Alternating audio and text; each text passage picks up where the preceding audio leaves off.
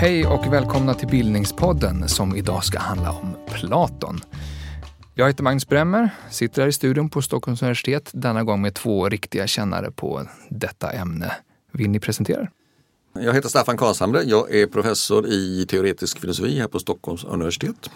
Jag håller på med många olika saker, men bland annat filosofins historia och Platon är en filosof som jag verkligen gillar. Ja, jag heter Jan Stolpe och jag är översättare. Jag har översatt Platon till svenska. Alla skrifter, sex delar. Den första kom ut 2000 och den sista ungefär tio år senare. Varmt välkommen hit. Tack. Tack. Ska vi börja med Jan, för en lyssnare som kanske aldrig hört talas om Platon. Vem var Platon? Platon var en grekisk filosof. Han föddes 427 f.Kr. i Aten. Och han, han, båda hans föräldrar tillhörde rika och framstående familjer. Så han växte upp i en, vad ska vi kalla det för, överklassmiljö. Eh, mycket tidigt i livet eh, mötte han Sokrates som var en eh, man som gick omkring på gatorna i Aten och samtalade med alla möjliga människor och ställde svåra frågor om vad de menade med det de sa och vad de menade med sina liv och så vidare. Och så småningom, började, Sokrates skrev aldrig en enda rad, men så småningom började Platon skriva. Och han grundade också en skola som kallas för Akademin. För den låg nämligen i en lund, en litet skogsområde, som hette Akademos Lund, eller Hekademos kanske. Och eh, utkanten av Aten. Det är ju inte vilken filosof som helst skulle jag säga. Det, det, finns en brittisk filosof som Whitehead som har sagt att hela den västerländska filosofihistorien är en rad fotnoter till Platon. Staffan, är det, är det en överdrift? Det ligger mycket i det, det måste jag säga. Så att det Alltså Platon, jämfört med allt som finns tidigare då, va, så är ju, eh, det är enormt rikt innehåll då i Platons dialoger. Vi har bevarat mm. väldigt mycket och han tar upp ofantligt många ämnen. Han gör det på ett väldigt idérikt sätt. Vi har massor med förslag som fortfarande är aktuella. Det finns, ja, så att eh, man kan mycket väl, alltså många gånger när man tittar in så kan man säga, känna igen, men aha, det är därför som Kant gör på det sättet och det mm. sättet. För han helt enkelt följer den här mallen som finns då hos Platon. Han la grunden? Eh, väldigt mycket ja. Mm. Jan, håller du med? Ja, han eh, gav sig in i ett område där eh, ingen hade varit före honom mm. kan man säga. Mm. Och försökte bana vägar där och bilda begrepp för det han iakttog och så vidare. Så han var en pionjär. Mm. Så hela man kan väl säga om man tittar på hela vårt sätt att tänka på filosofi som en i första hand en argumenterande verksamhet där man tar vara på vad folk redan har sagt och går, kommer med nya förslag, argumenterar och tar upp invändningar. Hela det sättet att förhålla sig kommer ju från Platon. Mm. Det finns inte tidigare. Staffan, kan inte du säga något om den där grunden? En liten kort överblick över vad Platon tänkte och skrev. Alltså om jag skulle säga bara ett ord vad Platon eh, var som hans insats så är det ju hans stora grej tycker jag det är att han, han gav oss begreppet begrepp. Mm. Eh, sen gav han oss en teori om det som vi ska prata om sen, nämligen idélära. Men framförallt gav han oss den här, pekade han ut det här som filosoferna sedan har hållit på med.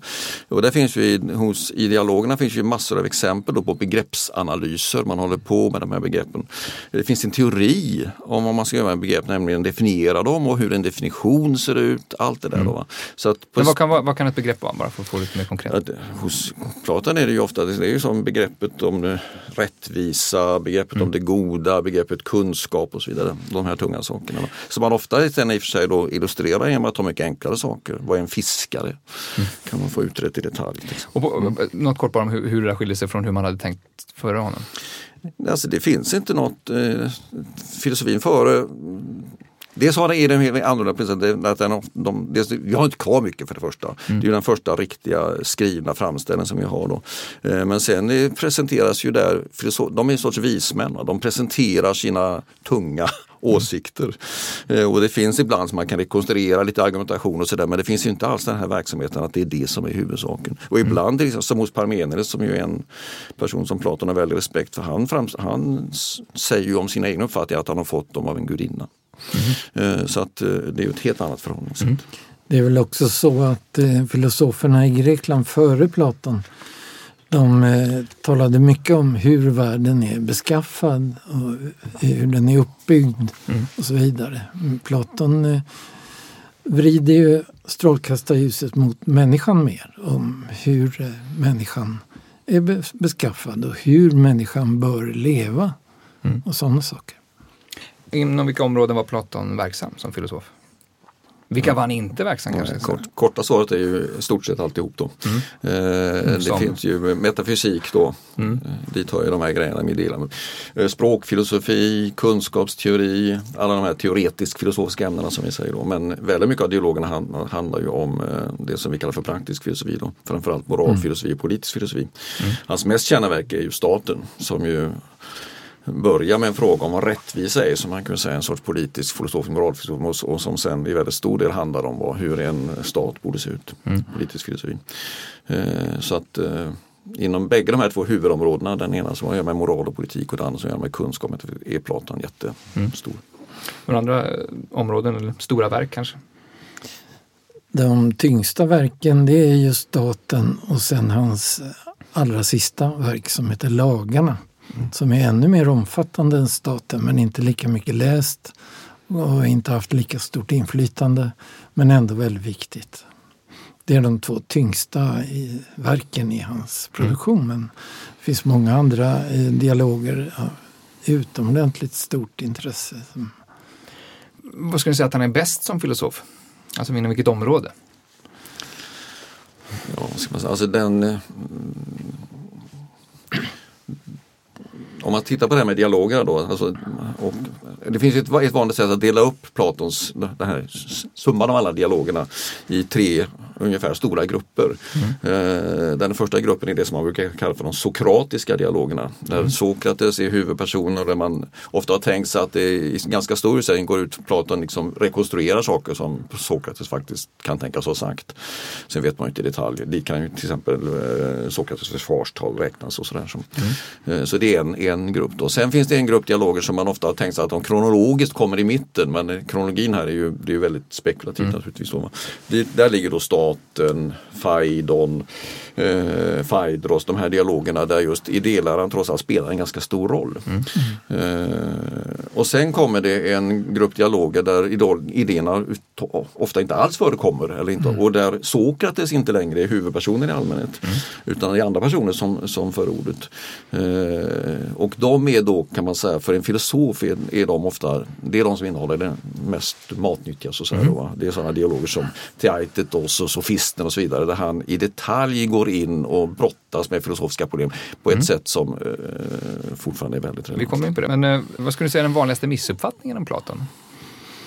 Vad får ni höra som ni tänker, nej. Det ja, det är att han byggde upp ett sammanhängande system. Det är en grav missuppfattning. Mm. Varför då? Ja, alltså det som kallas för idéläran. Eh, mm. Det betraktade ju många filosofer längre fram som ett slutet och för, sammanhängande system. Men det, vad jag uppfattar hos Platon är att han hela tiden omprövar sina idéer och utvecklar dem vidare, försöker formulera dem på nya sätt. Mm. Och eh, det hänger inte samman på det hopsvetsade sättet som man länge föreställde mm. sig. Idéläran ska vi gräva djupare i alldeles strax, men eh, Staffan först, eh, någon, någon missuppfattning? Nej men det är, det är väl precis det där att man tänker sig att han har ett, ett visst ganska konstigt system som mm. skiljer på sinnevärlden och idévärlden och idévärlden ligger i en ort bortom himlen. Och, mm. Eh, och det är bara dit den kunskapen, alltså hela att det där skulle mm. vara liksom Platons uh, tänkande och det är viktigt att man kan få ut av Platon, det är en stora missuppfattning. Har man missuppfattat också vad det skulle gå ut på? Platons idéer? Alltså det, fin- det är ju så enormt, finns ett sånt enormt utrymme för tolkningar där kan man väl säga. Då. Eh, och det är klart det finns ju en sån här förenklad bild då, som man väl säkert kan säga är missuppfattning. Men sen är det ju som Jan säger då att eh, Platon håller ju hela tiden på att experimentera med olika, eh, han tar ju de viktigaste invändningarna mot idéläran, hans- de finns hos Platon själv. Eh, och han experimenterar, hur kan man då göra och i, möjligen överger han sen hela, hela projektet och börjar tänka på andra sätt. Va? Så, att, eh, så det är ju väldigt dynamisk eh, dynamiskt tänkande får man säga. Det som kallas eh, platonism senare, det har ofta väldigt lite med Platon att göra utan det bygger mer på en senare filosof, Plotinos, som i sin tur naturligtvis utgår från Platon men bygger vidare till ett sorts eh, system, metafysiskt system och eh, det har i sin tur haft en väldigt stor eh, påverkan seklerna fram igenom. Men det är mer plotinism än platonism. Ja, det ska man kunna säga. Eh, har ni någon personlig favorit? Välja en text. Ja, min favorit är Fai- dialogen Phaedros Mm. som är en ytterst spännande och märkvärdig text Mm. som länge betraktades som eh, svårbegriplig och förvirrad. Och eh, Varför då? exempelvis Schleiermacher, den stora tyske Platonöversättaren på 1800-talet eh, utgick från att det var ett ungdomsverk för att det var så omoget och eh, rörigt. Men, eh, Är det det som är charmen eller håller du inte med? Ja, det, jag håller inte med. Det finns ett system i galenskapen. Det, det är mycket intressant dialog på många sätt. Eh, oerhört växlingsrik och det växlar mellan olika tonlägen och teman. Staffan? Ja, för mig, om jag måste välja en så blir det Theaitetos då som, är, eh, som handlar Ytligt sett så handlar den fråga som avhandlas är vad är kunskap?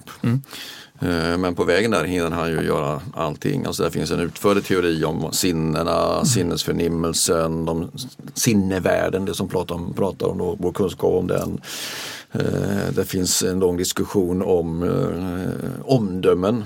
Så, eh, framförallt frågan om hur det kan finnas falska omdömen som sen kommer tillbaka i sofisten. Och den får ingen lösning i Te- Theaitetos men den får sen en lösning i sofisten. Men vi, vi, vi Eh, avslutar ja. programmet med de här två eh, skrifterna så får vi gräva lite djupare i era favoriter.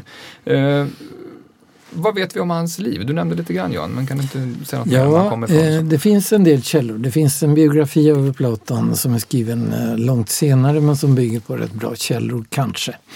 Och sen finns det ett långt brev som brukar kallas för det sjunde brevet där Platon själv berättar om sitt liv. Var, varför det sjunde? Därför att det finns en samling med 13 brev av Okej, Platon. okej. Alla de andra 12 eh, är säkert oäkta. Men Ja. det sjunde är väldigt speciellt och också det absolut längsta. U- Under hans uppväxttid så pågick väl kriget mellan Sparta och... Ja, det gjorde Aten. det. Det var en mycket orolig politisk tid och eh, det hände också dramatiska saker precis åren före hans eh, före sekelskiftet där. Eh, eh, det blev en, spartanerna besegrade ju Aten i det här kriget och eh, i Aten tillsattes en junta genom spartanernas försorg. Det kallas för de 30 tyrannerna. 404. Och Platon hade två släktingar som var ledande i denna junta. Den ena var Kritias som också var en eh, som hade gått med Sokrates och lyssnat på honom. Och eh, han var kusin till Platons mamma. En annan var Charmides som var bror, eh, hans morbror, Platons morbror. Och båda har gett namn till två olika dialoger som Platon har skrivit. De förekommer i hans texter. Men vad säger du där om hans eh, liv eller uppväxt? Platon skriver själv i det här sjunde brevet som jag nämnde att eh, eftersom jag hade släktingar som var inbegripna i politiken så hade det varit naturligt att också jag hade eh, kastat mig ut i detta. Men, eh, säger han då, det som hände med min stora lärare Sokrates, han avrättades ju 399, det gjorde att jag insåg att det var något eh, djupgående fel på hela systemet och eh, han avhöll sig från att blanda sig i dagspolitiken på det sättet. kanske ska säga något eh, ännu lite mer om Sokrates redan nu. eh, Ja, alltså efter det här kriget mellan Aten och Sparta så eh, eh, blev det förbjudet att åtala de som var eh, skyldiga i, till nederlaget. Men man försökte ändå på andra sätt komma åt folk och en som råkade i skottgluggen var just Sokrates därför att han utpekades som inspiratör till flera andra som hade varit aktiva. Och eh, de argument som användes mot Sokrates det var att han hade förfört ungdomen och att han hade försökt införa nya gudar. Mm.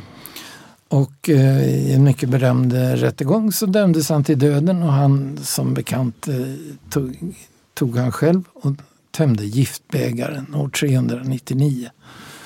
Det finns i dialogen Phaidon beskrivs ju den här eh, dödsscenen i detalj. Om, när han sitter omgiven av några av sina lärjungar, dock inte Platon. Mm.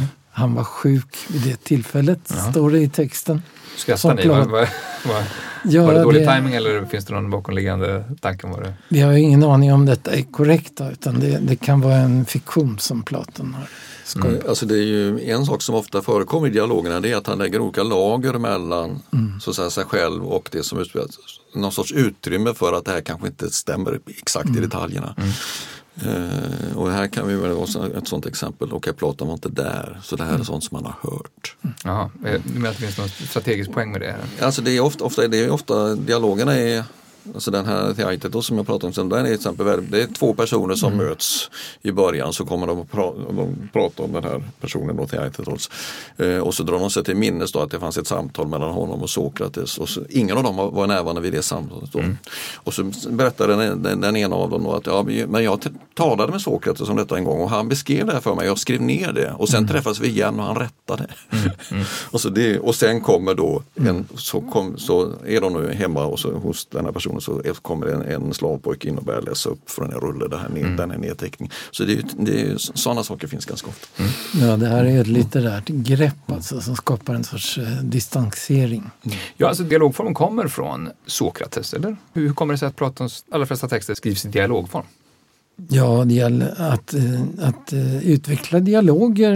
Uh, det var naturligtvis Sokrates en som etablerade den traditionen.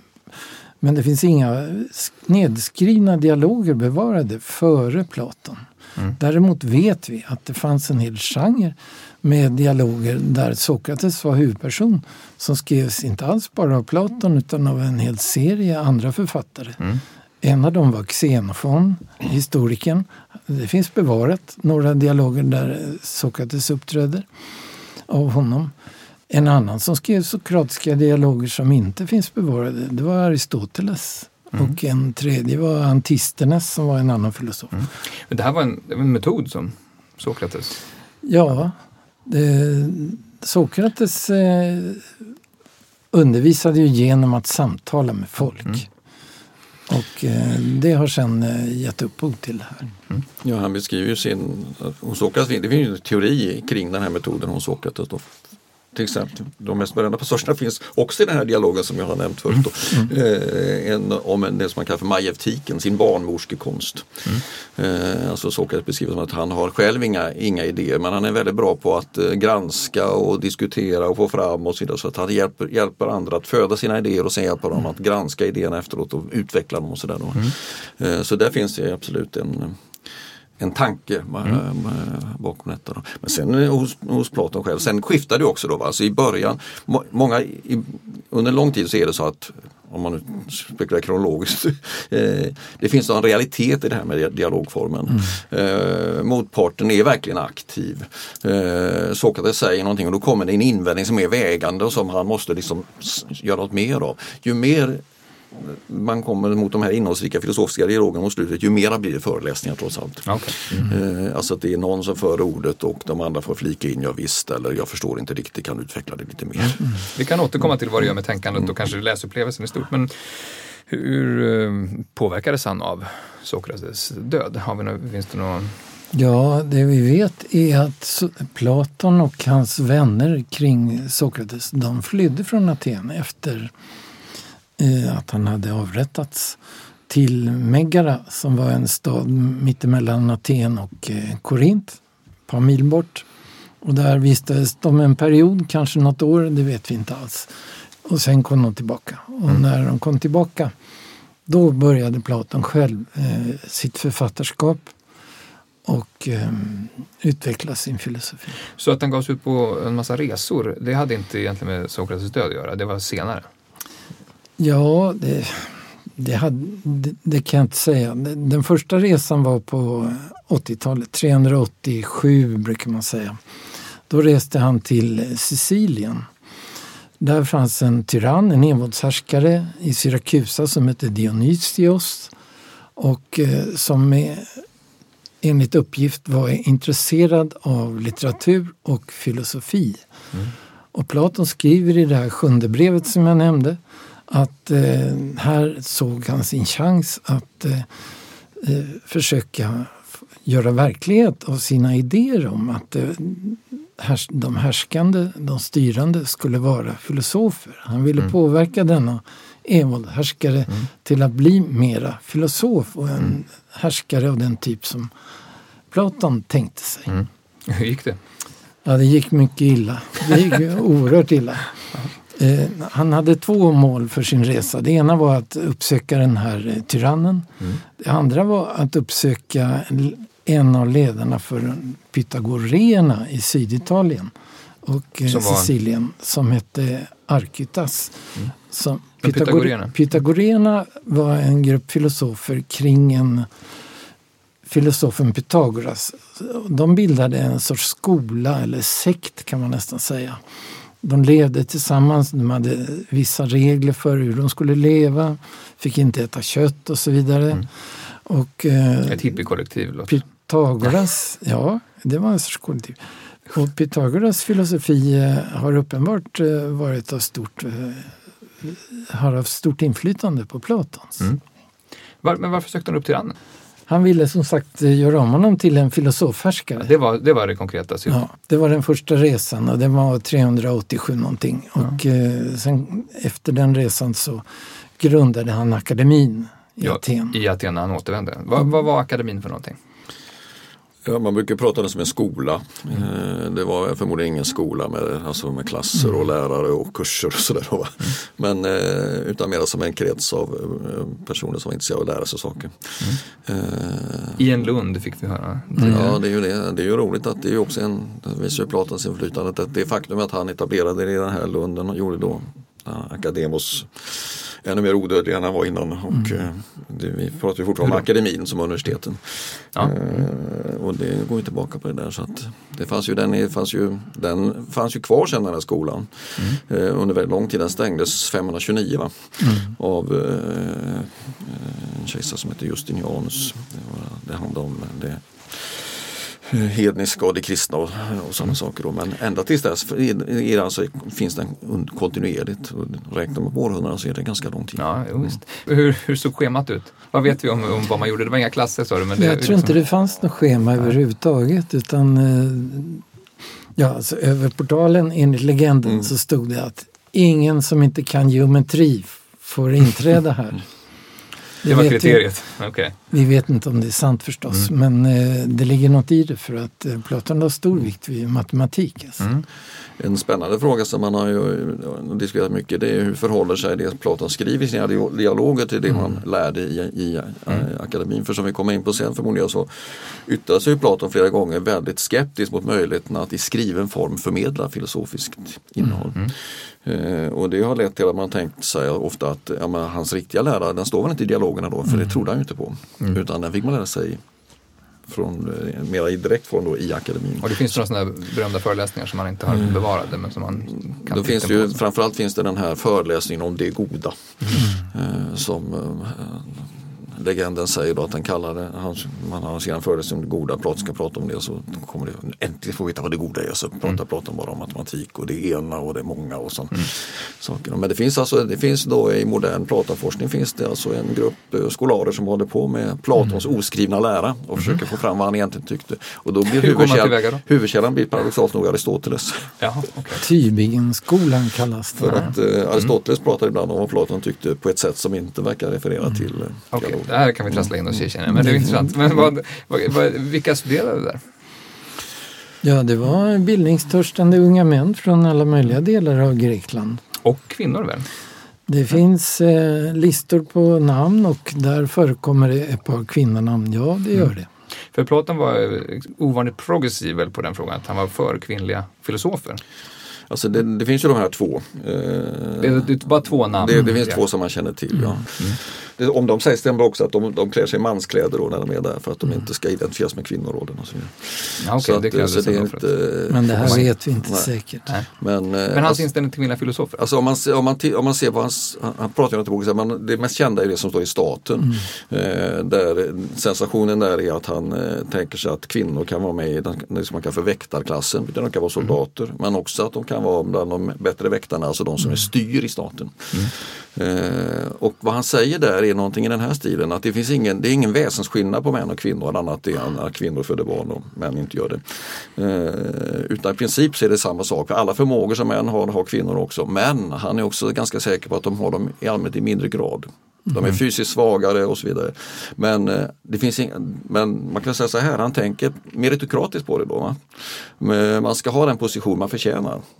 Eh, och då kan det finnas väldigt framstående kvinnor som, som är, även om han räknar med att normalt sett så kommer de, kommer de ligga på nivån under så finns det ingen principhinder. Och han eh, beskriver på det sättet att de, är, de är också med bland de styrande. Och Meritokrati är liksom samhällsidén att det är De, de, kompetens som den, ska som- den, som är, den som är bäst samhället. lämpad för uppgiften ska också ha den. Mm. Och, och på de grunderna så såg han liksom ingen anledning att utesluta. Nej.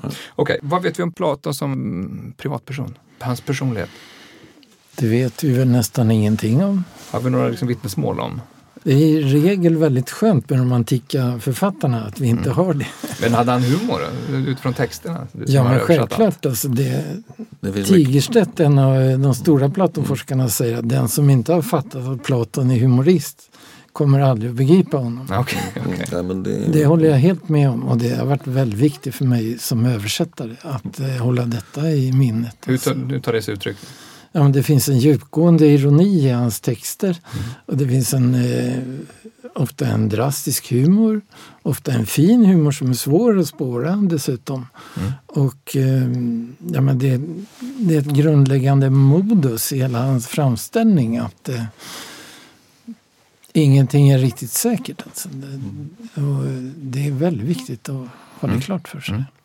Det finns en, en bland här som man väl inte så noga vet om, men han är, att Alltså, överhuvudtaget i Grekland, så här, i Aten vid den här tiden, så är det så att man, har, man Fysiska aktiviteter värderas ju högt. Eh, Bland annat därför att det är viktigt att vara en bra soldat och tapper och sådär. Men även idrott. Sådär.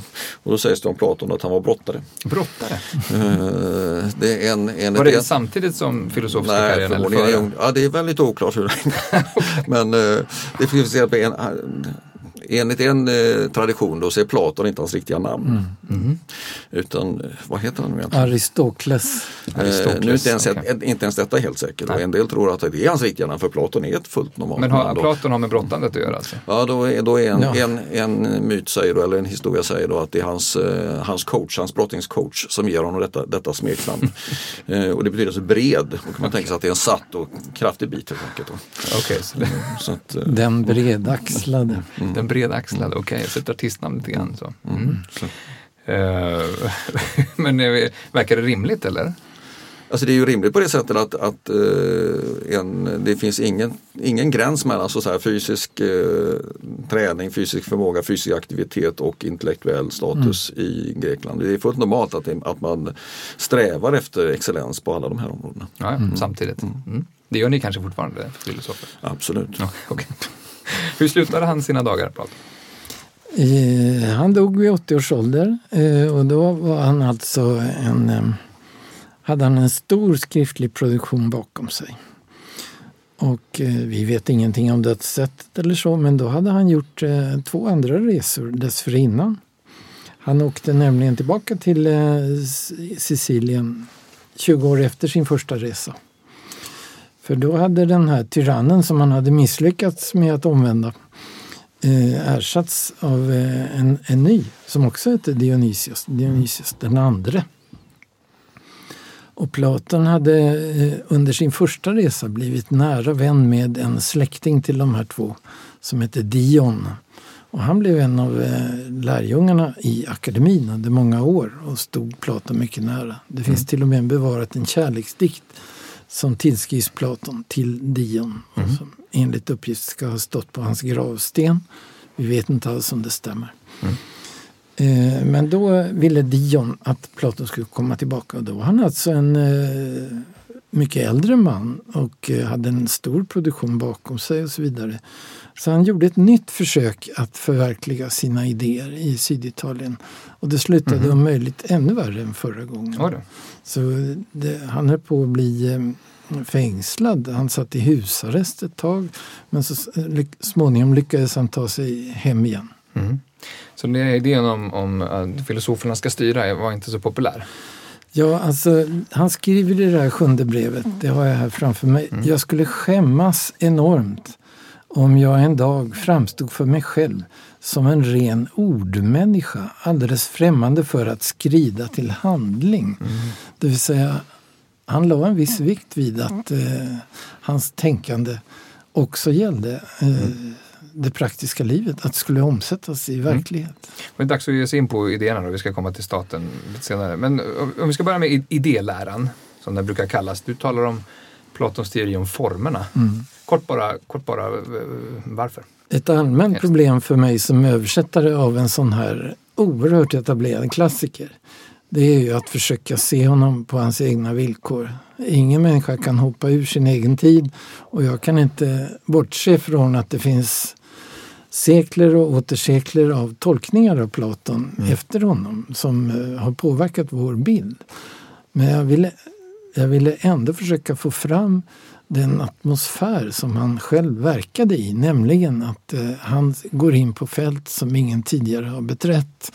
Och eh, han, han har från början, kan man säga, ingen fackterminologi överhuvudtaget utan han skapar sina begrepp med under arbetets gång. Och då tar han tag i vanliga ord som finns i vardagsspråket och applicerar dem på saker som han tycker sig se. Och så småningom får de en specialiserad betydelse för just de erfarenheterna. Så form är trognare. Och dit hör två ord, nämligen eidos och idea. Och det är de som tidigare har översatts med idé. Men eh, roten i de här två orden, de hör ihop? Eh, etymologiskt. eh, Det är vid, alltså V-I-D, som har att göra med att se. Platon är en väldigt visuell tänkare. Och eh, de här idéerna, det är någonting sett, någonting som går att se. Och eh, därför tyckte jag det var bättre att använda ordet form. Och det är inte jag som har hittat på det utan det förekommer i anglosaxiska världen hela tiden. Och, eh, men det är också ett sätt att eh, ta ett litet steg från den traditionella Platonbilden Mm. i Sverige. Man hann säga idélära under ganska många år för, Ja, före din översättning. Har du fått någon reaktion? Ja, det var faktiskt en eh, gymnasielärare som grälade på mig en gång för, som sa att här har jag undervisat om idéläran i flera decennier och nu kommer du att förstöra alltihopa. Ja. Det finns ju en sorts eh, lustighet där i svensk tidigare tradition då, att man pratar ju om eh, idéer hos Platon och om former hos Aristoteles. Det är ju samma ord. Eh, fastän det, man- det är uppenbarligen samma sak. Då. Okej. Men, Samtidigt, vad, men vad går, det- vad går idéläran eller formläran ut på? Sen kan man ty- ty- säga då att det, det ligger lite, att hålla, det är en sorts dualitet här som också finns i, i, i vad man pratar om. Då, va? För att eh, jag, jag sa att det var begreppet begrepp men det, det, väldigt, det spelar många roller det här. Eh, och när man tänker på idéer då i vår modell, då tänker man på någonting som finns hos oss. Jag har mina idéer. Och det är ju en aspekt som finns här då. Va? Jag känner igen saker genom att se att den här svarar mot den här idén som har och så vidare. Då, va? Samtidigt är formerna någonting som finns i tingen. Eh, som är orsakar att de utvecklar sig på ett visst vis. Ibland han säger sådana saker som att det sköna är skönt genom skönhetens idé, den är där då. Men också kan man tänka sig, detta är framförallt Aristoteles exempel, till exempel i biologiska fall då. Man har, eh, hur blev den fula ankungen en skön svan? Trots att den växte upp eh, bland ankor och så vidare. Ja, därför att han hade svanens idé i sig. Och, eh, så att Men, det, och det all, finns, redan allt detta, eh, oavsett om vi pratar idé eller form, står emot det sinnliga. Det är, om man tänker Ja, det- idévärld och sinnevärld. Ja, alltså det, det där är, tillhör ju den här, så det som jag pratar om, den här mytologiska tolkningen, missuppfattningen då. va, Att, att det är inte en huvudtendens att det finns två världar, Okej. en idévärld och en sinnevärld. Utan eh, det är snarare handlar det om att förklara hur den här världen som vi upplever, hur den är beskaffad. Eh, och då finns det ju det här, det, sin, det här som ska hela tiden förändras men det finns också det här att saker och ting faller i bestämda eh, kategorier, att de eh, följer lagbundna mönster i hur de påverkar varandra och hur de utvecklas. Och det är de här aspekterna som han försöker få tag på. Men Filosofer brukar gilla vara konkreta, gärna möbler Mm. som exempel. Kan vi ta det här bordet som vi har framför oss? Stoppa in det i hela den här kalkylen. Platons idésystem. Alltså det, är ju, det, består, ju- det är ju, består ju av ett material då, som, är, som eh, är format på ett sätt, sånt sätt så att, som att det är ett bord. Eh, Och i det här fallet så är det, då, då betyder det att det är en Sen är relationen där, va? men ofta pratar man som att det är en bild av, en avbild av eh, bordets idé. Då. Eh, och ett det här är, som vi har framför oss, är en avbild av idén. Just det. Sen är det ju oklart och det kan man ju se då till exempel i dialogen på Parmenides. Eh, Platon vacklar lite med avseende på vilka saker som egentligen har idéer. Eh, Ja, för är, det också, är det också fråga, ligger det i det också något om att det är en idealisk version av, alltså bo, bordets idé är på något sätt det perfekta Alltså de på bästa sätt. exemplen på idéer, de har den karaktären. De har ju också ide- alltså, till exempel de matematiska idéerna. Då, va? Ehm, En geometriker sitter och gör, genomför ett bevis och ritar saker på ett papper. Det där är ju inga cirklar och räta linjer, det som man ritar där. Men man tittar på dem där och så ser man med sitt, något annat öga så ser man den perfekta cirkeln, den riktigt räta linjen och så vidare. Och där är det ju, där är det finns uppenbart inte i det- verkligheten, nej, utan det är utan, utan, Men där måste klassar vi saker som runda därför att de liksom närmar sig den här idén. Så att Det är ju- ju också abstrakta begrepp som eh, Platon ofta talar om. Eh, det goda och det sköna och sådana saker. Som det, det godas form och så vidare. Och då använder han väldigt sällan ord, det här ordet för formidé.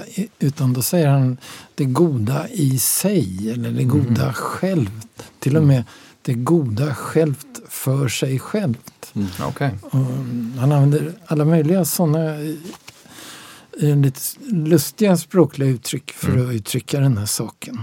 Så inte ens i den här idélärans system så är han konsekvent med sina termer. Men det är också, de ska ta ett, om man går åt andra hållet då, i eh, dialogen med Parmenides, då får Parmenides fråga Sokrates, hur har du det med smuts och med män? Har de också idéer? Och då säger, Det Platon, idealiska smutset. och då säger Platon, nej det tror jag väl inte riktigt. Och, det, och det, man kan mycket väl förstå varför han säger det, för att det är svårt att tänka sig just att smuts är ju någonting men det, är, det finns ingen ideal, det finns ingen perfekt smuts. Det är ganska formlöst också. Eh, Ja, så att, eh, och där, men där är jag även tveksam då. Så, om, finns det en människans idé? Ja, det är jag inte helt säker på. Eh, Men man kan säga att vad han gör är att han föregriper en modern teori om, om hur begrepp fungerar, nämligen det som man kallar för prototypteorin. Okej. Eh, Som är just den här eh, tanken att många av våra begrepp har den strukturen, att vi har ett idealfall liksom för, som vi för, för oss, och sen så klassificerar vi saker under begreppet genom att se att de är något sådär nära det här fallet. Grottliknelsen är väl en av hans eh, mest berömda, som man kallar det, symboler eller idéer. Så. Ja, Eh, den förekommer i staten. mm.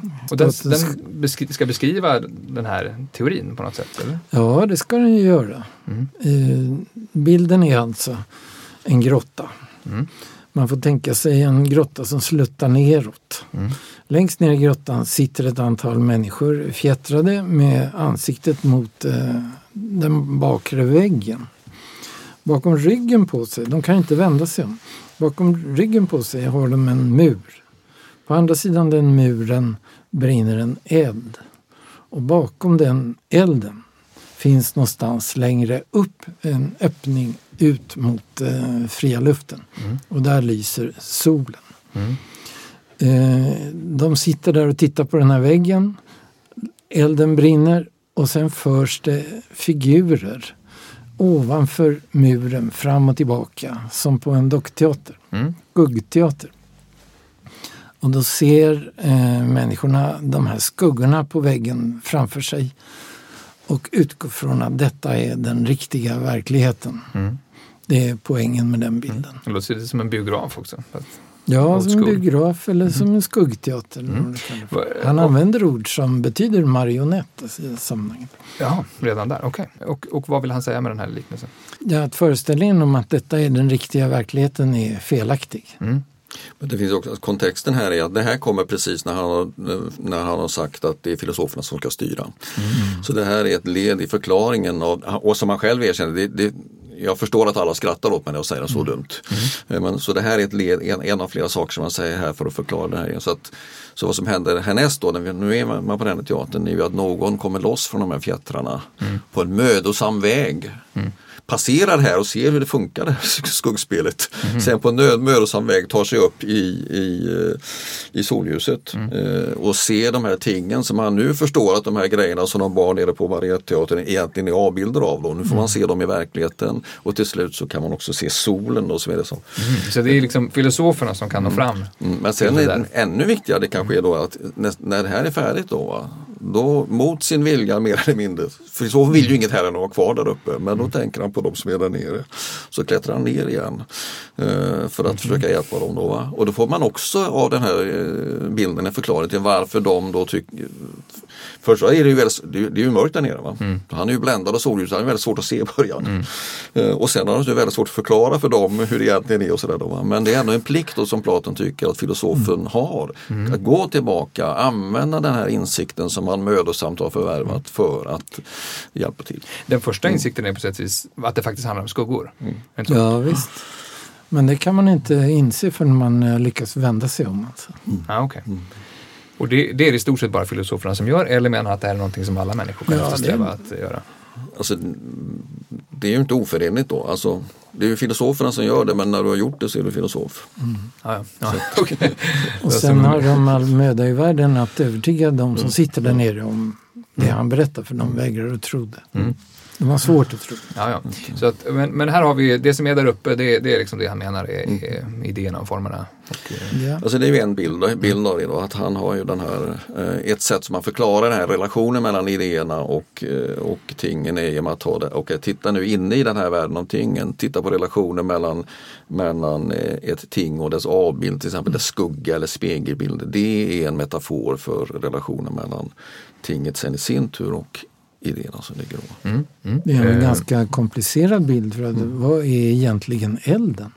Kan man fråga. Mm.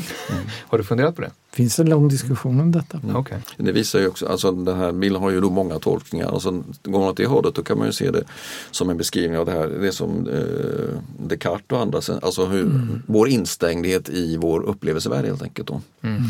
Eh, och då får man ju tänka den här utklättringen och som något som gör att man i tanken kan gå utöver det här som man faktiskt eh, upplever med sina sinnen. Alltså. Mm. Och då får man ju, där ligger den här jag-tolkningen. Mm. Säg något mer om, om, om staten då. Alltså, vad, vad, är det för, eh, vad är det för en stat? En idealstat som, som Platon ja, Det första man kan säga är att om man läser staten så ser man att det här är, det, den staten som Platon beskriver här är inte hans idealstat mm. utan det är hans näst bästa stat. Mm. Näst bästa, okay. För att han börjar med att beskriva den bästa. Mm. Eh, det, och den är liksom redan körd? Den är i termer av arbetsdelning och hur man får till saker och ting. Mm. och då påpekar någon, är det Glaukon kanske, eller någon som så kan, det, det är I, i en dialogen? I dialogen, uppe. men det är lite tråkigt den här staten, de har bara det de behöver. Eh, och då säger saker, alltså du vill att de ska ha lyx också. Ja men då måste vi ha mer för då måste man strida med de andra och sådär. Erövra, breda ut sig och, men i den staten då som, som eh, kommer i konflikt med andra stater och så vidare. Det är där de här klasserna måste, det måste finnas en väktarklass. Okej, okay, men säg något om det då. Det verkar vara en ganska krass eh, liksom, bild av hur, hur en stat fungerar. Uh, ja, men sen blir det, alltså då finns det ju det finns ju två, två a tre klasser i den här staten. Mm. I grunden är de som utför arbetet. Mm. Eh, och de är då, där är ju det här med arbetsdelning en väldigt viktig sak. Då, va? Man har olika specialiteter, man handlar med andra. Det är en ganska fin beskrivning av hur den här ekonomiskt är organiserad. En intressant sak är att det finns inga slavar. Mm. Det nämns inga slavar i staten. Utan, Slavarna är så självklara utan, så de behöver inte nämnas. Det finns, ja, det finns lönarbetare. Mm. Det är det lägsta man kommer. Men det nämns inget, ingenting om, om slavar. okay. och, eh, sen finns det då den, den, klassen av väktare och egentligen mm. är det då, för de, de införs, det är soldater helt enkelt. Mm. Eh, det är de som ska sköta konflikterna med, med de andra. Och de, så de behövdes inte i din första, den helt idealiska första, nej. nej. Eh, utan de behövs eh, sen då. Så din första saknas alltså lyx? Det är, det är en helt, det är en jämn... Alltså det är den den mest standard, eller? elementära staten, den första, den där första. Den, där är bara de mest eh, elementära funktionerna. Och den är så enkel så att där behövs inga styrande. Utan det är först när, när eh, strukturen blir lite mer invecklad med läkare som man räknar till en ovanligt onödiga människor Okej. och alla möjliga sådana yrken. Ja, det behövdes inte. Som det först. blir komplicerat och lyxproduktion av olika sorter, nöjesliv och så vidare. Då behövs det en ledning för det hela och då kommer den här idén. Men det är ganska uppenbart i texten att Sokrates han har varit nöjd med den där första staten. Ja. Ja, okej. Så att, eh, men sen med väktarna då, sen, eh, de delas sen i två grupper. Då, nämligen dels de egentligen hjälpare kallar de då, alltså de här som egentligen strider till exempel och de styrande. Eh, och eh, det är de styrande som han med tiden då kommer att säga att ja, det där borde vara filosoferna. Som, eh, som Nu är du filosof, så jag låter Jan svara på varför, varför ska filosoferna styra? Utöver att man har gått upp, kommit upp i den här grottan och sett Jo, men hela, hela staten är konstruerad som en parallell till eh, människans själ. Mm. Eh, och han växlar hela tiden mellan de här två perspektiven. Den enskildes eh, själ och eh, samhället. Mm. Och han säger på ett ställe att eh, de här hänger ihop och eh, det är som eh, en skrift med små bokstäver och en skrift med stora. Eftersom det är lättare att läsa de stora så diskuterar vi det, det vill säga staten, mest. Men det andra finns med hela tiden. Och själen delar han ju också upp i tre olika funktioner. Eller, nämligen styrande, förnuftet. Och sen eh, stridbarheten, det motsvarar soldaterna i staten. Och sen de, arbetande, de begärande och begäret i själen. Och eh, det motsvarar då de arbetande. Som, Så allt det här bor inom varje människa också på något sätt? ja, det finns det. Och där, I själen är det förstås förnuftet som ska styra. Och i staten är det de som representerar förnuftet, det vill säga filosoferna. Så det hänger ihop på det sättet. Finns det någon kritik av liksom samtida politiker eller eh, diktatorer? Eller? en sak är ju att Platon är ju ingen demokrat. Varför inte då? Eh, Ja, det, är ju att, det var ju demokratin som hade ihjäl Sokrates. Eh, Så han förknippar ju eh, demokratin väldigt mycket med någon sorts godtyckligt eh, pöbelvälde kan man säga. Då. Eh, Det är en chimär att, att, att man har det. Det fanns ju då direktdemokrati i Aten vid den här tiden men det var ja, eh, vissa män i en viss Men, ställning var, som ja, kunde rösta. men, Men, det var inte, det är nu tycker vi att det är självklart att alla tänkande människor ska vara demokrater. Så var det ju inte alls. Eh, utan det var ju hela tiden, sen hade ju demokratin väldigt styrka, den återupprättades ju gång på gång efter att den hade störtats och sådär. Då, va? Så att den var ju väldigt djupt förankrad på ett, på ett sätt. Då, men, men Platon är ju inte någon, någon eh, demokrat.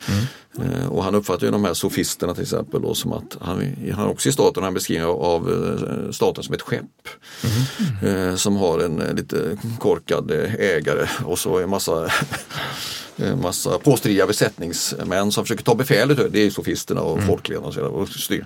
Medan de helt ignorerar att det faktiskt finns någon där som kan navigera och vet någonting om väder och vind och sådär. så, så hela den, här, liksom, det merokratiska i Mm. filosofstyret då, att det är de som har mest kunskap som också ska styra.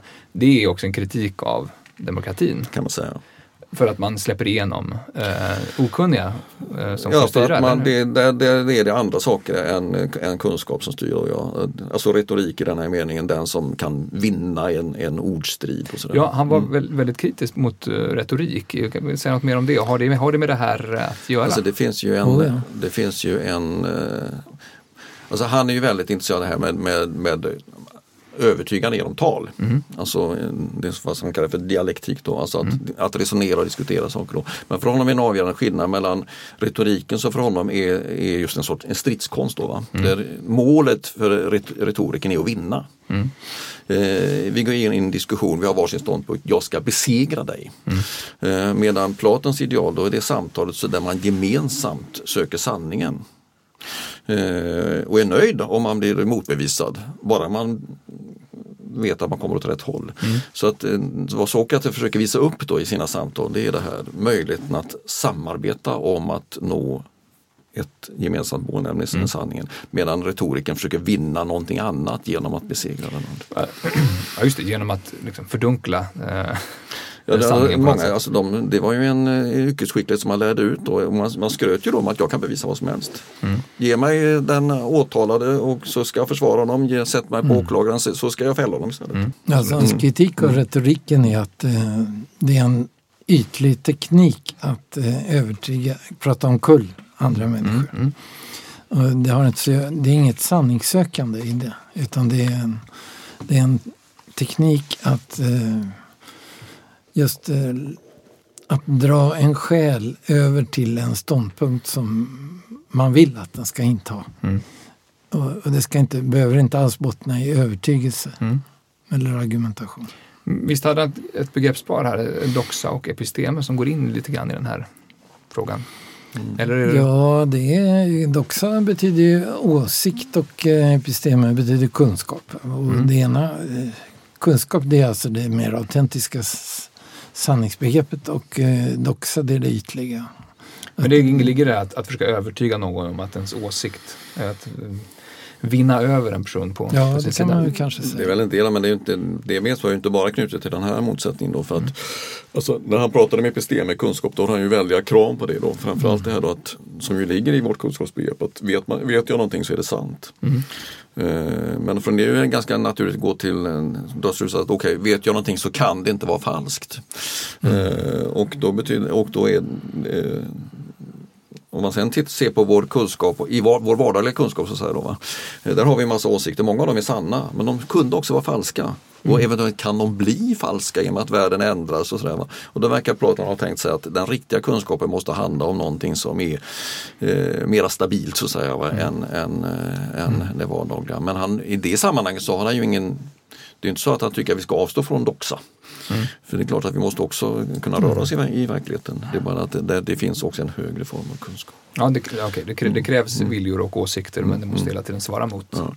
mm. att, uh...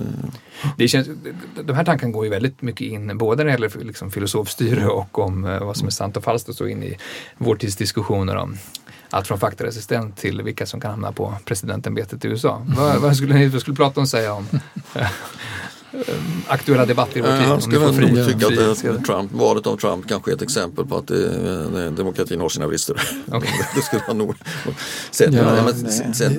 Det finns ju, möjligen kan man säga att det finns en skillnad. Så det finns ju också sådana rörelser i vår tid som är bekymrade över demokratin just att den inte plockar fram de mest eh, kompetenta. Mm. Och det finns ju också, ta den här som fanns i svensk politik för inte så länge som man pratar om, den enda vägen. Mm. Ja, det var ju en idé som gick ut på egentligen finns det bara en, finns det bara bra och dålig politik och man borde ha experter, de som mm. verkligen förstår vad, vad, vad det är vi ska göra. Då.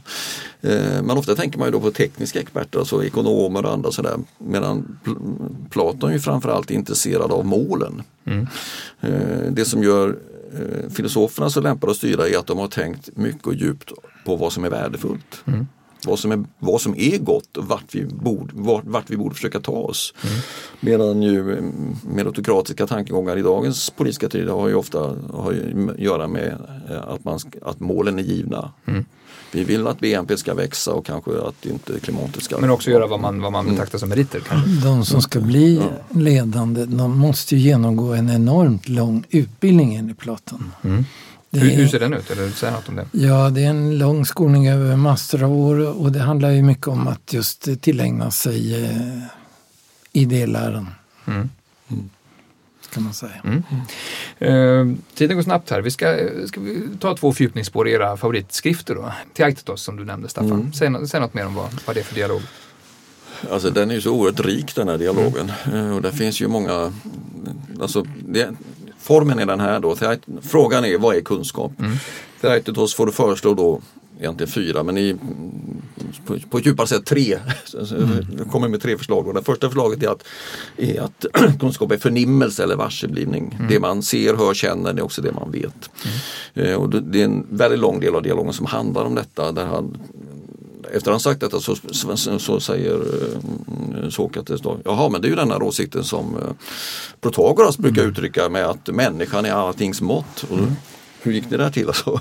Men, mm. Så då får man en lång diskussion som, hand, som handlar om relativism till exempel. Då. Mm. Ja, för det, det håller inte Sokrates Platon med om? Nej, fast dialog, alltså, diskussionen är väldigt nyanserad. Mm. Eh, och det är mm. mycket tänkbart att man i slutet kommer fram till att nej, det är, inte, det är i alla fall inte hela sanningen och det fattas mm. bitar där. Då, va? Men vissa av de här saker som man med på vägen här har tillskrivit Protagoras, Herakleitos och så vidare. De är nog riktiga fast på ett mer begränsat område än vad de tänkte sig. Mm. Det är en riktig karaktärisering av hur sinnena fungerar och sådär. Mm.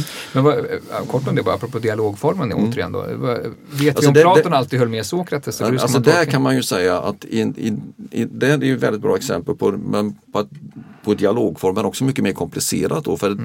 det är inte Theaitetos som är den mest centrala mm. dialogpartnern utan det är de här, det är Protagoras, mm. Herakleitos, andra personer som, har, som Sokrates lyfter upp och ger, får man säga, en väldigt bra de skulle, Protagoras nog vara ganska nöjd med den framställning som okay. Platon ger av hans åsikter i den här dialogen. Mm, mm. Och han får också, efter det att Sokrates har avvisat hans idéer så, så, så, kan han komma tillbaka och säga äh, men om Protagoras vore här så hade han inte varit nöjd med det där svaret utan sagt det här, nu får vi mm. börja om mm. och vara lite mer seriösa. Man kan tänka sig att, att Platon, mm. Eh, när han skriver detta, tänker att eh, men det finns nog rimliga argument på i flera alltså, röster här. Alltså den är ju en dialog som slutar aporetiskt som man brukar säga då. aporetiskt? ja, det betyder att när man är färdig så har man avvisat alla svar men inte kommit fram till något okay. Apori betyder utan utväg. Mm. Eh, men när han gjort detta då med, med sinnesförnimmelserna och allt som han gör i samband med det då, så, så, börjar han så kommer nästa förslag nämligen att eh, kunskap är sant omdöme. Det är ju en, det är det som finns, alltså, där skiljer, det är alltid det här med att känna till någonting och att veta att någonting är på ett visst vis. Så, ja, för där ligger, alltså, det, det relativa i människan till alltings mått är att den sanningen blir relativ beroende på vilken människa alltså, du är. Eller? Man, man kan säga att förnimmelserna är ju personliga. Mm. Hur jag, förnimmer, hur jag förnimmer världen, det är min sak då. Va? Om, det är, om det är det som är kunskap, då blir kunskapen likadan. Och då pekar Platon bland annat på områden där vi inte skulle acceptera detta. Okej, okay, det kan hända att jag, eh, visst jag tycker att jag är den rätta att bedöma om soppan är, soppan är god eller inte. Mm. Men jag vill veta om man ska göra hur soppan blir god. Ja, då går jag och frågar en kock. Mm. Mm. Eh, likadant med läkare och sådär. Så det finns en massa sådana att eh, han spelar mot att vi nog egentligen inte riktigt tror på, på, de där idéerna. Mm. Men sen, är det mest, sen passar han ju på, alltså, när han sagt det här med sant omdöme, det kommer en väldigt lång utveckling, utveckling om hur man kan tänka sig att det kan finnas falska omdömen. Sen kommer han raderna när han förklarar varför sant, kunskap inte är sant omdöme. Ja, då ger han ett motexempel helt enkelt. Ibland när man har rätt så är det inte kunskap därför att man bara gissat eller varit, haft dåliga skäl. Och sådär. Mm. Okej, det måste finnas något mer. Så kommer tredje förslaget då. Kunskap är sant omdöme med logos. Mm. Och sen uh, finns det en lång diskussion om vad det betyder. Då. Alltså det här är ett exempel på vad man inom filosofin skulle kalla epistemologi. Alltså, epistemologi eller kunskapsteori, ja. Är, ja. Och mm. bland annat då är det mycket epistemologi handlar just om den här frågan, man försöker definiera kunskap. Och ett sätt att läsa det som Platon säger här då är att det man, sista förslaget är, är någonting som är ganska likt en modern diskussion, en klassisk modern definition av kunskap. Nämligen kunskap är sant omdöme grundat på goda skäl. Mm. Och då kan man nämna logos som goda skäl. Mm. Sen är det om man tittar noga inte Mm. Det, är, det, är, inte självklart att man ska tolka logos på det sättet det, när man ser på vad han säger. Okej, okay, men vad, mm. vad, om du ska liksom dra lite linjer till senare i filosofihistorien som har, som har alltså, titta, man, Det här är ju ett sånt exempel. Om, det här, hela upplägget här då. Va? Eh, först sinnesförnimmelse, sen omdömen, sen slutledningar, logos. Det är, det är dispositionen för Kants kritik av rena förnuftet. Mm. Det ser precis likadan ut. Mm. Sen, Först kommer estetiken. En, ja. en tysk eh, upplysningsfilosof. Då är, då är vi framme i uh, tyska upplysningen ja, kring mm. 1800 ungefär. Men uh, som ju är ett enormt monumentalverk då i, i uh, den, sen, den senare filosofihistorien. Men tittar man på strukturen så ser man att aha, det kom, avdelningarna kommer precis samma mm. ordning. Mm. Och ett antal av argumenten återkommer. Mm. Uh, och det är likadant när man tittar på Hegel till exempel, hur andens fenomenologi är uppbyggd där i början. ser man det kommer, okay, nu kommer först kommer förnimmelsen och sen kommer omdömena och sen kommer, kommer slutledningarna. Mm. Exakt, så att det, där finns ju en, en och det är kanske mm. det som vill koppla också till upplysningen. Och, eh, så säga, det, Nej, det har funnits med hela vägen via skolastiken och allt sånt där. Så ja, men jag mm, menar det att det mm. finns ju men mm, Kants tänkande kopplas till upplysningen och eh, liksom, omdömesfråga. Absolut, men, är, men de är enormt bundna. Då, de, är inte, de är inte så nya. Mm, Men-. Om vi tar eh, Phaedros då, den dialogen som du talade om. och Som så Ja, det är en mycket märklig dialog. Den, består, den, den innehåller en av de få ställena hos Platon som, där det finns lite naturskildring faktiskt. Mm. Det är väldigt sällan som man beskriver den omgivande miljön. Men här är, eh, går Sokrates utanför Aten, Atens stadsmur och där möter han eh, Phaidros som är en äldre person. Och eh, de, det visar sig att Phaidros har just avlyssnat ett tal som har hållits av en professionell talare som heter Lysias. Lysias är en mycket känd talare som vi har bevarade texter av. Som var, skrev alltså tal för olika personer som skulle upp i rättegångar eh, mot betalning, skrev han det. Och han har skrivit ett tal där han argumenterar för att den unge man som söker en eh, äldre man som sin älskare, han ska inte välja någon som älskar honom utan någon som är sval i sina känslor gentemot honom. Vad är, vad Eh, är poängen där? Alltså kärleksrelation mellan män i det antika eh, Aten, det var ju att en äldre man tog hand om en yngre. Mm. Och eh, här argumenterar alltså Lysias för att den äldre mannen bör inte hysa några känslor kärlek gentemot objektet. Det, då råkar eh, den där mannen illa ut. Argumenten är oerhört eh, torftiga och eh, tråkiga och mycket ytliga. Och det är ett mycket kort tal. Men Phaidros är alldeles hänförd över detta och de sätter sig alltså, det är stekhet sommardag under några träd i skuggan. Nere, där rinner en flod där de har fötterna i vattnet. Och så läser Phaidros upp det här talet för Sokrates. Det som sen händer är att de börjar resonera om det här talet och Phaedros försöker få eh, Sokrates att säga Tycker du inte att det är en underbart resonemang det här? Och Sokrates säger först jo, kanske, men inte riktigt. Ja, så småningom hamnar de i den situationen att Sokrates eh, blir tvungen att hålla ett likadant tal eh, med samma argument. Och då gör Sokrates det, men för att eh, det ska bli lite mer opersonligt och han ska markera att han kanske inte riktigt står för de här argumentationen så drar han sina kläder över huvudet. Han döljer sitt huvud och så håller han ett tal som är lika tråkigt eh, som det föregå- föregående men hållet i en annan stil och en lite andra argument. Men varför, varför hamnar han där? Ja, ja, jag kan inte riktigt förklara det men det, det hela är uppbyggt så att det ska leda till att när Sokrates är färdig med det här talet så säger han ja, men det här är ju ingenting som jag står för, det här är ju inte klokt. Eh, det här är ju fullständigt felaktigt åsikter. Ja, nu har jag försyndat mig mot Eros, guden Eros.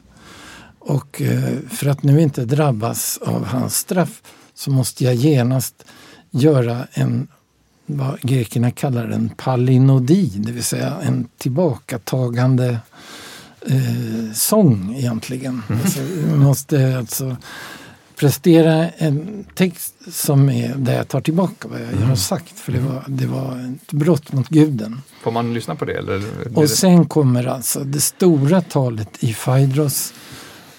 Alltså för en översättare är detta helt fantastiskt material för att alla de här talen är hållna i olika stilar. Mhm. Platon är överhuvudtaget en eh, virtuos språkkonstnär och laborerar med ett otal olika stilnivåer som han växlar mellan och det är det som är så spännande för en översättare. Försöka återgestalta just det. Och det här talet av Lysias i början, det är alltså en imitation av den riktige Lysias språk. Och det finns, har funnits åtminstone, filologer som har ansett att det är ett autentiskt tal av Lysias. Men det är det naturligtvis inte, utan det är en imitation. Eh, sen kommer alltså det stora talet och där eh, kommer då pl- Sokrates och utvecklar hela kärleksläran. Och med de mest fantastiska visionära bilder. Bland annat den här bilden av själen som en, eh, eh, ett eh, ekipage med två hästar och en kusk. och hästarna stretar åt olika håll. Den ena är vild och otyglad och vägrar att lyda eh, kusken. Mm. Där har du tredelningen återigen av själen då, med tre olika. Och det är förnuftet som ska styra. Ja, man har lite Freud där också med överjag och det. Och så. Ja, man kan mycket väl eh, lägga in det också men jag tror inte riktigt att Mm. det, Men, det hela, leder så men långt. eh, det är ju ändå en sån här sak som hos Platon som blir kvar hos det här, den här tanken att Mm. våra själar, vi har begär, vi har förnuft, att de här Oh, ja. delarna, det, det är ju, Mm. vi tänker fortfarande på det sättet. Ja. Och Freud är ju ett exempel. Mm. Och där finns också en modell Människan är komplex hos honom kan man säga. Så. Ja, komplex men också att det är komplex på det sättet att det finns de här grundläggande delarna i själen. Så att säga, det emotionella, det intellektuella och så vidare. Eh, där finns också den här modellen av att eh, idén om att eh, kärleken är en sorts vanvett. Mm. Det finns olika sorters vanvett. Det finns siarens och det finns eh, diktarens och det finns eh, den förälskades. Mm. Och eh, detta är någonting inte bara destruktivt utan även positivt. Mm. Som, som vi måste lära oss att kontrollera på något sätt. Ja, ja, eller så. vi måste lyda och Lyda. eh, kontrollera också i någon mån naturligtvis. Eh, En fascinerande sak med, med eh, Platons skrifter är också, det är ju abstrakta eh, ämnen ofta men det är ju trevliga miljöer och det är situationer och så. Ja, men det är också visionära bilder. Mm. Den grottliknelsen är bara en sån. I den här Phaedros finns en annan alltså om hur det, all världen består av gudarna. De tolv grundläggande viktigaste gudarna de rör sig längs himlen och de rör sig på olika nivåer allt efter hur eh, kvalificerade de är. Och de som rör sig högst upp de eh, är liksom de ädlaste. Människan eh, kommer inte alls lika högt. Men eh, den som är riktigt eh, upptänd och eh, upplyst kan någon gång i livet komma allra högst upp och till och med hamna ovanpå det som Platon kallar en plats ovanför himlen. Eh, Sticka upp huvudet liksom eh, ovanför, man tänker sig en vattenyta, man sticker upp huvudet. Men det kan ju också uppenbarligen vara som- Himmelsytan som sticker upp eh, och kan se det stora sammanhanget. Ja, det är visionärt. Det är oerhört poetiskt alltså och eh, sammanträngt. Och det går liksom inte att lägga ut det eh, rationellt riktigt. Va? Det är väldigt förtätade bilder här. Men det som gästabudet eller symposion, det är, det är en, Där en middag där ett antal personer får lägga ut, sina, en, en Ja. text, sin, lägga ut texten om, om kärleken. Precis. Ehm, och är det liknande tankar som i Ja, det. Ja, det kan man säga. Eh, Och det bygger alltså på den här idén att eh, i gästabudet är det ju så här att den som ser en vacker ung man, han grips av kärlek till honom. Sen eh, förflyttar sig medvetandet man eh, högre upp längs en stege, en sorts abstraktionsstege. Man eh, grips av kärlek till det sköna som sådant och allra högst upp är det då skönas idé. Det är skönaste idén. Okej, så Det där har vi skönas- hela, hela stegen. Skönas form. Mm. Jag vill gärna lägga till lite om det här, de här platonska bilderna eller liknelserna för det är ju, är ju väldigt eh, intressant drag. Alltså man, man kan jämföra med Aristoteles. Aristoteles har ju teorier om det ena och det andra. Och de är sådana att han, man, han utvecklar dem och så ska kontrollera om de är riktiga och så gör en invändning och sådär. Medan Platon ofta har de här bilderna istället som funkar Alltså ta, om med själen till exempel kan man säga att själen är som en vaxtavla. Så pratar jag en stund om det, för, för, vad- kan igenkänning vara? Och sen efter en stund säger men det är klart, själen är inte som en vaxtavla. Och så talar han om, om vad det är för fel på liknelsen. Och sen, men det kanske är som ett duvslag istället. Ja. Och så, och så- Duvslag? Ett, ja, när man har brevduvor, en plats där man får vara brevduvor. Ett duvslag, jaha okej. Mm. Där tankar far omkring och sen är det svårare, hur får man fatt på rätt tanke när man behöver den? Och sådär. Så, att, eh, och så där är det ju en helt annan eh, hållning till det här då. Att han, och det är lik- likadant med de här i staten, det är inte så att man får en detaljerad tolkning av liknelserna sen av, eh, av Sokrates. Utan man får liknelsen och man får reda på vad den avses att handla om och sen får man klara sig. Det ligger lite både i dialogformen och i bilden att man ska tänka själv när man läser det. Väldigt, väldigt mycket. Det är också uppenbart på många ställen att han tänker sig att man har, läsaren har kommit en bit längre än vad personerna i dialogen har. Men för att senare förutsätter han att man, att man tänkte klart den här tanken som bara antyddes eh, lite tidigare. Och så, så han har väldigt förtroende för läsaren. I Phaedrus finns väl också det som brukar kallas för Sokrates skriftkritik. Kan inte du förklara vad, det, vad, det, vad den ja, går ut på? Ja, snarare Platons. Mm. Eh, Okay. Sokrates är en litterär gestalt i Platons verk. Mm. Men man brukar kalla den för Sokrates skriftkritik? Eller? Mm. Nej, jag brukar kalla den för Platons skriftkritik. Okej, det, är, det är Sokrates som framför den i dialogen. Just det. Mm. Ja. Jo, där, där finns en myt om hur skriften har uppfunnits och, eh, och det utmynnar i att eh, Sokrates framför åsikten att skriven text eh, kan aldrig svara på frågor. Den står som stela statyer och vad, hur man, vad man än gör med den så svarar den sam, säger den samma sak hela Mm. tiden. Och eh, detta är helt fundamentalt för Platons filosofi Mm. som jag ser det. Att, eh, eller rättare sagt hans metod att få folk att komma till insikt och eh, resonera.